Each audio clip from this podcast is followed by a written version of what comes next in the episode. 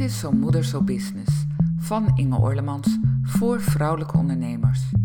Welkom, fijn dat je luistert naar mijn podcast, waarin je waardevolle inzichten krijgt over hoe de relatie met je moeder je kan belemmeren om succesvol te ondernemen.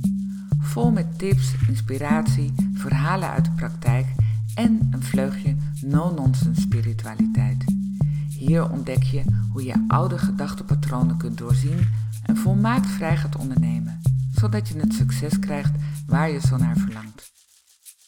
Een tijdje geleden vroeg een van de vrouwen die ik coach mij: Hoe denk jij eigenlijk over de dood? En ik dacht: Ja, hoe denk ik eigenlijk over de dood? En um, in mijn leven zijn vier heel dierbare overleden.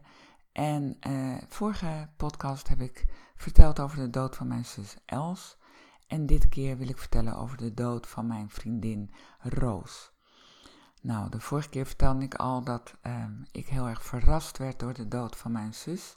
Dat was in 2004. Ik had uh, op haar verzoek geen contact meer met haar. En wist dus ook niet dat ze ziek was. En wist ook niet dat ze uh, dood zou gaan en dat ze dood was. Ik kreeg dat te horen via een rouwkaart. En um, ja, ik was natuurlijk totaal overstuur, in de war, akelig. Ik wist absoluut niet wat ik daarmee aan moest. Ze was toen al um, gecremeerd en eigenlijk was alles al voorbij en ik was er niet bij geweest. Nou, um, in de loop der jaren ben ik me toen steeds meer naar binnen gaan richten. Steeds meer gaan kijken van, hé, hey, wat gebeurt er? Wat gebeurt er met dit soort uh, grote ervaringen? Hoe kan ik die een plek gaan geven? Hoe kan ik daarmee om leren gaan? Nou was ik altijd geïnteresseerd in, ja, laat ik maar zeggen, de, de weg naar binnen. En um, ik heb in die tijd heel veel gedaan. Ik heb een yogaopleiding gevolgd, een meditatieopleiding gevolgd. En um, heel veel boeken gelezen, workshops gedaan. Allemaal om die verbinding met, ja, met mezelf met de zachtheid, de volmaaktheid in mezelf te vinden. En, en ja, ondertussen was ik natuurlijk gewoon moeder en uh, had ik een goede baan. En uh, in een van die banen, ik was uh, in die tijd interim manager, werkte ik bij een stadsdeel in Amsterdam en ontmoette ik Roos. En Roos en ik hadden een enorme klik. Um, wij gingen al heel snel regelmatig met elkaar lunchen. Zij deed daar uh, iets in communicatie, projectleider communicatie, ik weet niet precies wat de titel was. Nou, en ik was uh, een afdelingsmanager. En uh, nou, wij gingen lunchen met elkaar, babbelen met elkaar, uit met elkaar. En we hadden heel veel lol. We moesten ontzettend, we hadden precies dezelfde humor. En dat is zo ongelooflijk fijn als je, als je een, een vriendschap opbouwt. Daarin kun je elkaar enorm herkennen. En um, uh, wat ons ook bond was uh, diepgaande gesprekken. We hadden het over van alles en nog wat. En volgens mij was Roos de enige met wie ik ook over seks praatte. Het was altijd een favoriet onderwerp van ons. En we moesten ongelooflijk veel lachen met elkaar. Nou, en in de loop der jaren gingen we ook hardlopen met elkaar. Uh, Roos verhuisde naar Haarlem. Ik woonde nog steeds in Amsterdam, maar zij werkte toen nog in Amsterdam. Dus um, uh, tijd over om uh, lekker te gaan hardlopen ook met elkaar. Want er moest natuurlijk aan de conditie gewerkt worden. En nou, ik denk dat het eind 2000, nou ergens in 2016 was, zijn we uh, met elkaar in een huisje gaan zitten. Roos schreef prachtige gedichten, prachtige verhalen. En ik had ook wat schrijversambities. Dus we zijn een, uh, een, paar dagen met elkaar in een huisje gaan zitten. En ja, dat was heerlijk. Met uh, hond Donald erbij. Uh, lekker wandelen. Veel schrijven, veel praten. Elkaar dingen voorlezen. Het was echt een wonderschone aantal dagen. Wonderschone ontmoeting. Zoals eigenlijk altijd met Roos. En ik denk dat het begin 2017 was dat we weer gingen hardlopen. En Roos zag er slecht uit en moe. En ik vroeg, wat is er? Ze zei, het gaat niet goed. Ik, uh, ik ben naar de dokter geweest, wat onderzoeken, last van mijn darmen, pijn. Het is niet goed. En um, ik hoor morgen de uitslag. En ja, je voelt het altijd wel, hè, als je denkt van, ik had echt zo'n steen in mijn maag. Dus dat was een, we hadden die maandag hadden we uh, hard gelopen. Maandag was onze hardloopdag. En die dinsdag zou ze uitslag horen van het ziekenhuis. En uh, ik durfde niet dinsdagavond te bellen, maar woensdagochtend hing ik aan de lijn. En dat was een overdonderend, afschuwelijk telefoongesprek. Want Roos vertelde dat ze darmkanker had en dat dat al uitgezaaid was in haar lichaam, naar haar, uh, naar haar nier, uh, lever en volgens mij ook een stukje naar haar longen. Dat weet ik niet meer precies. En dat ze eigenlijk had gehoord, uh, je hebt nog anderhalf jaar. Ja, dat was, dat was afschuwelijk. Dat was echt afschuwelijk. En Roos zei wel meteen van, ik moet zorgen dat ik gezond blijf. Dat ik deze periode, want ze ging een periode in van um, um, uh, therapie, van bestraling, van chemo. Uh, Roos had jonge kinderen, jonge tieners. En dus ze wilde die periode zo goed mogelijk door. Dus we spraken meteen al af van, we gaan gewoon door met die maandagen. En maandag maak ik altijd vrij voor jou. Ik was natuurlijk, ik was eigen baas. Ik had in die tijd uh, overigens al een meditatiesite, dus ik werkte niet meer als interim manager. Dus ik kon mijn tijd heel goed indelen. En maandag roosdag. En uh, zo gingen wij die periode in. En ik kan me zeker in het begin allemaal momenten herinneren dat we uh, ja, met elkaar afspraken en ja, nog helemaal ja, over, overdonderd waren. Gewoon helemaal binnen moesten laten komen dat ze zo verschrikkelijk ziek was. Want je zag natuurlijk helemaal niks aan haar verder. En um, dat was mooi. Iedere maandag het contact, het verdriet. Um, ik kan me ook nog zo goed herinneren dat we in Amsterdam bij, um, god hoe heette dat nou? Iets met Hanna vlakbij het, uh, uh, bij het Centraal Station. Daar woonde ik in de buurt en zij kwam uit Haarlem met de, met de trein. En we zaten daar, Donald was erbij en we waren aan het huilen. En Donald legde die grote kop op de schoot. En ik zag er nog zo de hond aaien en ja, dit totale verslagenheid. Maar maandag was altijd al roosdag, maar toen was het hard, uh, hardloopdag. En nu was het, ja, kijken we. We gingen in het begin ook nog van hardlopen. En um, Roos werd snel geopereerd aan haar darmen. En later uh, kwam natuurlijk de chemo. En um, ja, toen was het, het hardlopen al heel snel niet meer aan de orde, want Roos was doodziek. Echt, werkelijk doodziek. En um, die maandagen, wat er ook gebeurde, nou bijna altijd gingen we naar buiten. Gingen we een stukje lopen, gingen we een wandelingetje maken naar de zee. Ik ging altijd naar Haarlem, naar de zee. Lekker wandelen met Donald. En soms was, dan, uh, was uh, Roos zo zwak dat ik haar vast moet houden. Dan moest ik haar vasthouden om haar middel en zij hield mij vast. En dan, ja, soms keken mensen zo van, van wat, een, wat een schattig stelletje was dat. En um, wat er gebeurde was heel bijzonder. Iedere maandag gingen we naar buiten. En in die beginmaanden, de eerste maanden dat Roos chemo kreeg, um, was er altijd iets in de natuur wat uitzonderlijk was. Ik kan me nog herinneren, volgens mij was dat de eerste, eerste keren, een van de eerste keren, dat het hele strand, maar dan ook werkelijk het hele strand, bezaaid lag met uh, zeesterren. Overal waar je ook keek, lagen zeesterren. En door alle verdriet heen voelde het als een wonder. We keken elkaar aan en we zeiden: Dit is een wonder. Dit is alsof het alsof het universum of God of dat wat groter is dan wij zegt: kijk, het is, het is oneindig. En dan weer was ook een keer, toen was de zand van Roos mee, was het ongelofelijke wind. Echt zo erg dat Roos zat binnen, was toen te ziek. Hè. Ze zat bij, uh, achter het glas. Maar ze kon haar zoon en mij zien in hoe wij tegen de wind aanstonden. En we konden gewoon tegen de wind leunen. Alsof we iedere keer weer aan werden herinnerd hoe, hoe groot de natuur is en hoe veel groter dan onze ego de natuur is. En dat was, dat was prachtig. Dat was zo bijzonder en zo, zo dierbaar. En, en dan liepen we en dan was het bijvoorbeeld ongelooflijke regen. En we voelden ons, nou, heerlijk, volmaakt, stralend. We liepen vaak, hè, als, als het iets beter ging, eh, liepen we arm in arm. En uh, we spraken nog steeds over alles. En we hadden nog steeds bijna altijd de slappe lach. Achteraf, nu ik daarop terugkijk, denk ik, hoe dan? Hoe kan je in zulke omstandigheden de slappe lach hebben?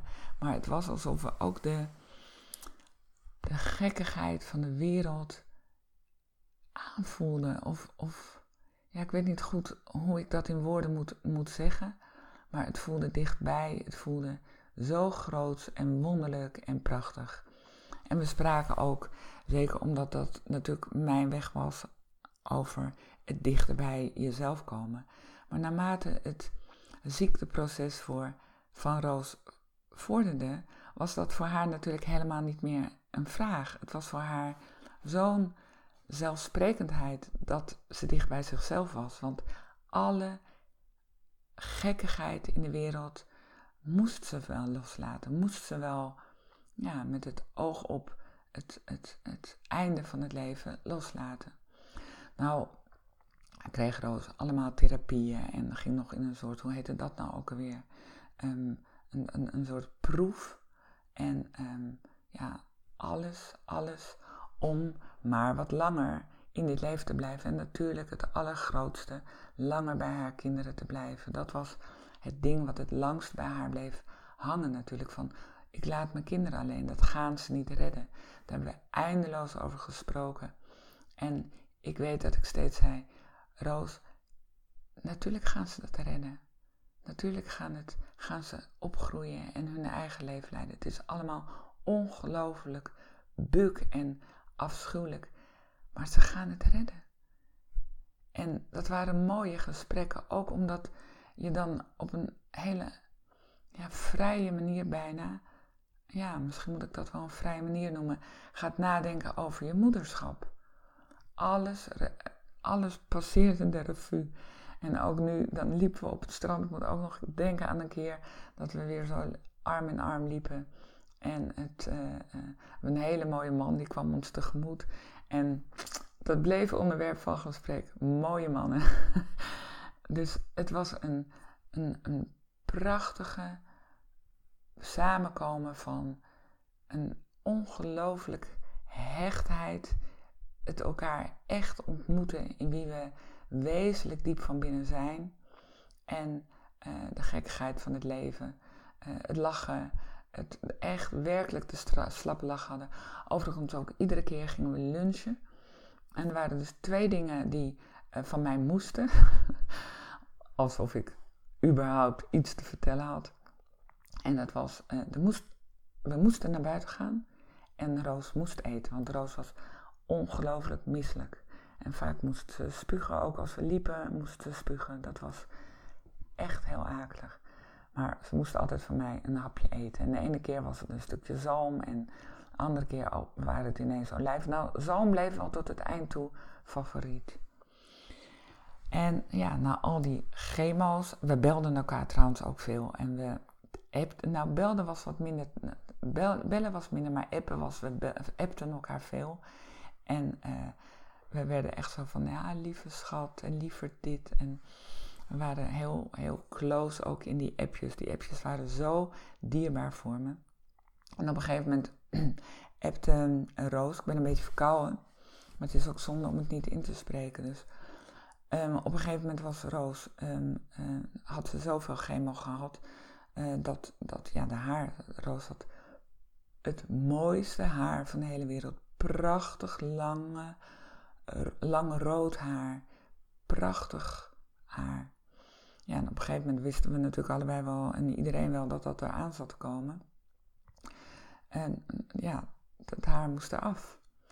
En, en nou ja, ik wist dat ze naar de kapper was geweest. En, en het was een van de moeilijkste momenten om de maandag, ik ging echt, het leek wel of mijn auto achteruit ging. Ik vond het zo moeilijk om naar toe te gaan en te zien hoe, ja, ik in mijn, in mijn verbeelding had ik het allemaal heel afschuwelijk gemaakt. Hoe roos haar haar uh, eraf zou zijn. En uh, ik, echt met een klont in je buik uh, belde ik aan, Don netjes naast me, Donald de hond. En ze deed open met de korte kopie. En ik zei, ik vind het leuk. En we moesten allebei weer zo lachen. Ik zei, hè? Ik had dit echt verwacht als een hysterisch moment van over elkaar heen hangen. En oh, je haar. En het stond er hartstikke leuk. En dat, dat waren echt wonderlijke momenten in, dwars door alle ellende heen, steeds weer de, de schoonheid te zien en het prachtige gezicht. En ja, het was een, een, een ja, een, weer een prachtig wondermoment. Nou, natuurlijk ging deze hele akelige ziektegeschiedenis voor. Het duurde voort. En uh, ik ben ook wel eens mee geweest naar de chemo. En daar uh, was de eerste keer dat we, uh, hoe noem je dat, dat we wat gedoe hadden. Roos was geïrriteerd op mij, want ik zat op haar bed. En ze lag daar aan allerlei slangen en ik was op de bed gaan zitten en dat vond ze stom. Ze zei, ga er maar gewoon staan. En het is echt heel irritant dat je op mijn bed zit. En het is later nog wel vaker voorgekomen. Ook bij mij in mijn agenda stond altijd maandag roosdag. En ze vind ik zo irritant van jou dat het nou roosdag heet. Want het is toch ook jouw dag? Het gaat toch niet om mij? Het gaat toch om ons? Was helemaal geïrriteerd. En dat vond ik heerlijk. Want voor mij was het ook iets dat het... Ehm, ja, dat, het, dat had voor mij ook heel veel met dichtbij te maken. Dat je er ook helemaal niks meer ophield helemaal niet meer dacht van, oh, dat kan ik niet zeggen. Of maar gewoon irritatie. En uh, dat, dat omarmde ik met alle liefde. En um, ja, de tijd vorderde en soms dacht Roos nog wel even van misschien als ik dit doe of misschien als er dat gebeurt. Maar eigenlijk wisten we allemaal wel dat, dat, dat er een eind aan zat. En een van de laatste keren dat uh, Roos en ik gingen wandelen was in Haarlem bij een of ander watertje. En toen zat ze al in de rolstoel. Nou, dat was niet voor uh, Roos, want Roos was van zelf doen en uh, altijd het hoofd omhoog. Maar Roos moest in de rolstoel. Dus ik rolde haar zo rondom het water. En dat voelde wel heel raar. Dat voelde wel heel gekkig. En toen hadden we allebei wel iets van, uh, ja, we doen nou alsof dit heel normaal is, maar dit is natuurlijk gewoon echt, echt wel de laatste stap. Dit is echt wel afschuwelijk. En um, toen reden we terug met die rolstoel. Ik duwde, Donald liep her en der. Ondertussen had uh, Roos ook een hond, Saar. En um, een, hond om, ja, ze, ze, was dol op honden. De hond om dicht bij haar te kunnen zijn. En, en toen rolden we terug met hondjes. En toen kwamen we op een stuk waar kiezelstenen uh, lagen. En als je rolt met een jong iemand met een, een, mutsje op, die duidelijk erg ziek is, dan hebben mensen wel de neiging om om te draaien, om te kijken, om nou, met elkaar een beetje te praten. En zie je dat? En dat vonden wij natuurlijk rete irritant. Maar toen kwamen we bij de kiezelstenen en ja, dat gaat niet met een rolstoel. En Roos kon natuurlijk gewoon wel lopen, maar was gewoon heel erg zwak. Dus dat was bij een parkeerstukje. Dus toen stond ze op en uh, toen ging ze lopen. En je zag mensen echt, hun, mond viel open van dat ze gewoon kon lopen. En wij hebben daar eindeloos over gelachen, eindeloos de slappe lach over gehad. Dat uh, Roos ineens, uh, als het ware als een soort Jezus, over het water liep, maar Roos liep over de kiezelstenen. En daarna gingen we natuurlijk weer uit eten, natuurlijk weer lunchen en uh, spandaard en lekker zalm eten. Het was de lekkerste zalm die ze ooit had gegeten. En um, ja, toen kwam de periode dat het appen was al veel minder geworden, maar er werd bijna niet meer geappt. En toen, uh, de, de, maandagen waren ook, ja, Roos was niet meer iedere maandag ja, zo uh, bij, zal ik maar zeggen. Of ja, bij is misschien niet het goede woord, maar dan de, de, de maandagen waren niet meer standaard, waren de laatste weken. en toen ben ik nog een keertje bij haar geweest. En uh, we wisten dat het de laatste keer zou zijn. En um, ook dan, hoe doe je dat? Hoe doe je dat? Hoe neem je afscheid van je vriendin? Dat is, er zijn geen draaiboeken voor. En het omgaan met de dood is ook wel zo, zo, niet besproken onderwerp. Maar aan de andere kant, in dat, het was anderhalf, bijna anderhalf jaar later, een kleine anderhalf jaar later, in die maanden had ik van Roos zoveel geleerd over dat we geen lichaam zijn. En dat wil ik nog even kort vertellen in een cursus in wonderen. Jullie weten, daar ben ik een grote beoefenaar van. En um, een van de lessen in een cursus in wonderen is: ik ben geen lichaam, ik ben vrij. Ik ben nog steeds zoals God of liefde of het universum mij geschapen heeft. En dat heeft Roos mij geleerd. Ik zag haar niet meer als een lichaam. En ook echt letterlijk niet meer als een lichaam. Het leek alsof, en dat was begonnen met die prachtige ervaringen uit de natuur, maar steeds meer ging ik als het ware door haar heen kijken. Zag ik, door haar heen kijken, zag ik haar alsof ze niet meer stoffelijk was. Ik kan het niet zo goed uitleggen. Ik, ik kon zien dat ze groter was, dat ze, dat ze straalde, dat ze ruimtelijk was, terwijl ze doodziek was. En misschien omdat ze doodziek was. En ik kon zo goed haar energie voelen, dat de, de liefde, de ongelooflijke volmaaktheid, lichtheid, dat wat ze werkelijk was. En dat was in die, die loop van die anderhalf jaar steeds meer geworden. En die laatste keer dat ik bij haar was, dat ze um, in bed lag en uh, ook niet meer, uh, nauwelijks meer mobiel was, toen voelde ik dat zo duidelijk. En ik zou een half uur haar blijven. En we zaten, we zaten te, weer te kwebbelen over literatuur, over poëzie, over het leven, over de dood, over de kinderen. En ik zag dat ze ja, helemaal onthecht was. En dat zijn woorden, het zijn woorden die de lading niet dekken. Maar ik kon zien, nou, ik kon het, ja, ik kon zien, ik kon ervaren dat ze, dat, dat, dat, dat er, dat er al, dat ze er al aan het afscheid nemen was. uiteindelijk bleef ik anderhalf uur en ik denk dat het ja, de meest intieme, prachtige anderhalf uur, in ieder geval met Roos en misschien wel in mijn leven waren. Het was zo bijzonder. En ja, ik denk, ik weet niet precies hoeveel later. Ik, ik denk een week, twee weken. Ik weet niet meer precies ging ik met mijn zoon naar New, New York. Um, een prachtig cadeau voor zijn, ja, ik denk dat dat zijn 21ste verjaardag was. Ja. Toen um, stond ik op, het, uh, uh, op Schiphol te wachten op het vliegtuig. En toen belde uh, mijn man en vertelde dat er een rouwkaart in de bus lag. En dat Roos overleden was. En dat betekende dus dat ik niet bij haar uitvaart kon zijn. En mijn zoon zei heel schattig van, eh, mam, je mag wel uh, teruggaan hoor, gaan we niet naar New York. En ik dacht, nou, ik, ik denk dat ik Roos heel goed ken en ik denk dat ze me echt zou killen als ik niet naar uh, New York zou zijn gegaan met mijn zoon. Want ook die reis hadden we natuurlijk heel vaak met elkaar doorgesproken hoe fijn dat zou zijn. Dus um, ik ben niet bij haar afscheid geweest.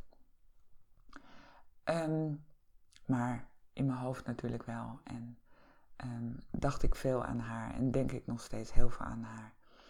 En ik ben zo ongelooflijk dankbaar dat Roos mij heeft laten zien wat de dood eigenlijk is. En later, en zeker nu ik deze uh, verhalen over de dood aan het maken ben, begrijp ik pas dat Roos voor mij de ongelooflijke uitnodiging is geweest om de dood van mijn zus, die ik dus helemaal niet heb meegemaakt. Niet dat ze ziek was, niet dat ze dood ging, niet de uitvaart. Om dat met haar te delen. Om me zo, Roos liet me zo dichtbij komen. En dat dat zo'n ongelooflijk cadeau is. Dat ik daar zo ongelooflijk dankbaar voor ben. Het voelde ook echt als een zusje. En het gekke is dat ik natuurlijk verdrietig ben en er nog steeds verdriet is. Maar dat het ook zo vrij voelt, dat het zo wonderlijk blijft voelen en dat ik zo het gevoel heb van ja, Roos is, niet, is, is dood. Ze is niet meer in haar lichaam, dat snap ik allemaal wel. Maar Roos is natuurlijk gewoon niet weg. Roos is niet dood. En dat kan ik echt ervaren. Dus ik kan een enorme lichtheid en, en vreugde uh, voelen over haar, ja, haar aanwezigheid, wat voor mij nog steeds zo is. En wat heel mooi is om te vertellen, is dat de, uh, een paar maanden later, later, overleed mijn moeder. Daar gaat uh, de volgende verhalen over de dood over. Maar um, ik, na de dood van Roos kreeg ik steeds meer contact met de moeder van Roos. Dus in één jaar tijd, in hetzelfde jaar, is uh, de moeder van Roos haar dochter verloren en ben ik mijn moeder verloren. En bleek dat wij uh, ook alweer lachend zeiden van ja, laten we elkaar dan maar een beetje adopteren. En een, een hele mooie vriendschap tussen ons is ontwikkeld. En dat ik daar ook weer zo blij en dat voelt ook weer zo bijzonder, zo dichtbij. Dat die liefde, die natuurlijk, het is allemaal één universele liefde. En het is in hoeverre je je hart opent naar de ander. En dat ik zo met Roos heb geleerd om mijn hart te openen en om alle oordelen, alle meningen, alle adviezen, in alle vrijheid met haar te zijn. En dat in mijn gevoel ik dat ook zo weer doorga met haar moeder, alsof dat weer eenzelfde soort energie is. En ja, daar zit ook weer een enorme dankbaarheid in. Dus dit is een, een zo'n mooie ervaring in mijn leven om eigenlijk te begrijpen wat de dood is. En nogmaals, de prachtige uh, les vanuit een cursus in wonderen van I'm not a body, I'm free, I'm still as God created me. Prachtig. Fijn dat je luisterde naar mijn podcast. Nog even kort een paar belangrijke dingen. Ten eerste, misschien heb je er nooit over nagedacht of de relatie met je moeder van invloed is op je business. Wil jij weten hoe dat bij jou zit? Doe dan mijn gratis test op ingeorlemans.nl/slash test en je ontdekt het binnen enkele minuten. Ten tweede, wist jij dat je heel eenvoudig een review kunt achterlaten om te laten weten wat je van deze podcast vindt? Ga naar de app waarmee je naar deze podcast luistert en klik op reviews. En laat dan natuurlijk zoveel mogelijk sterretjes achter. Of schrijf een persoonlijke review. Geweldig, dankjewel. Ten derde, ken je een vrouwelijke ondernemer voor wie deze podcast ook interessant zou kunnen zijn? Dan zou het super zijn als je deze aflevering met haar deelt.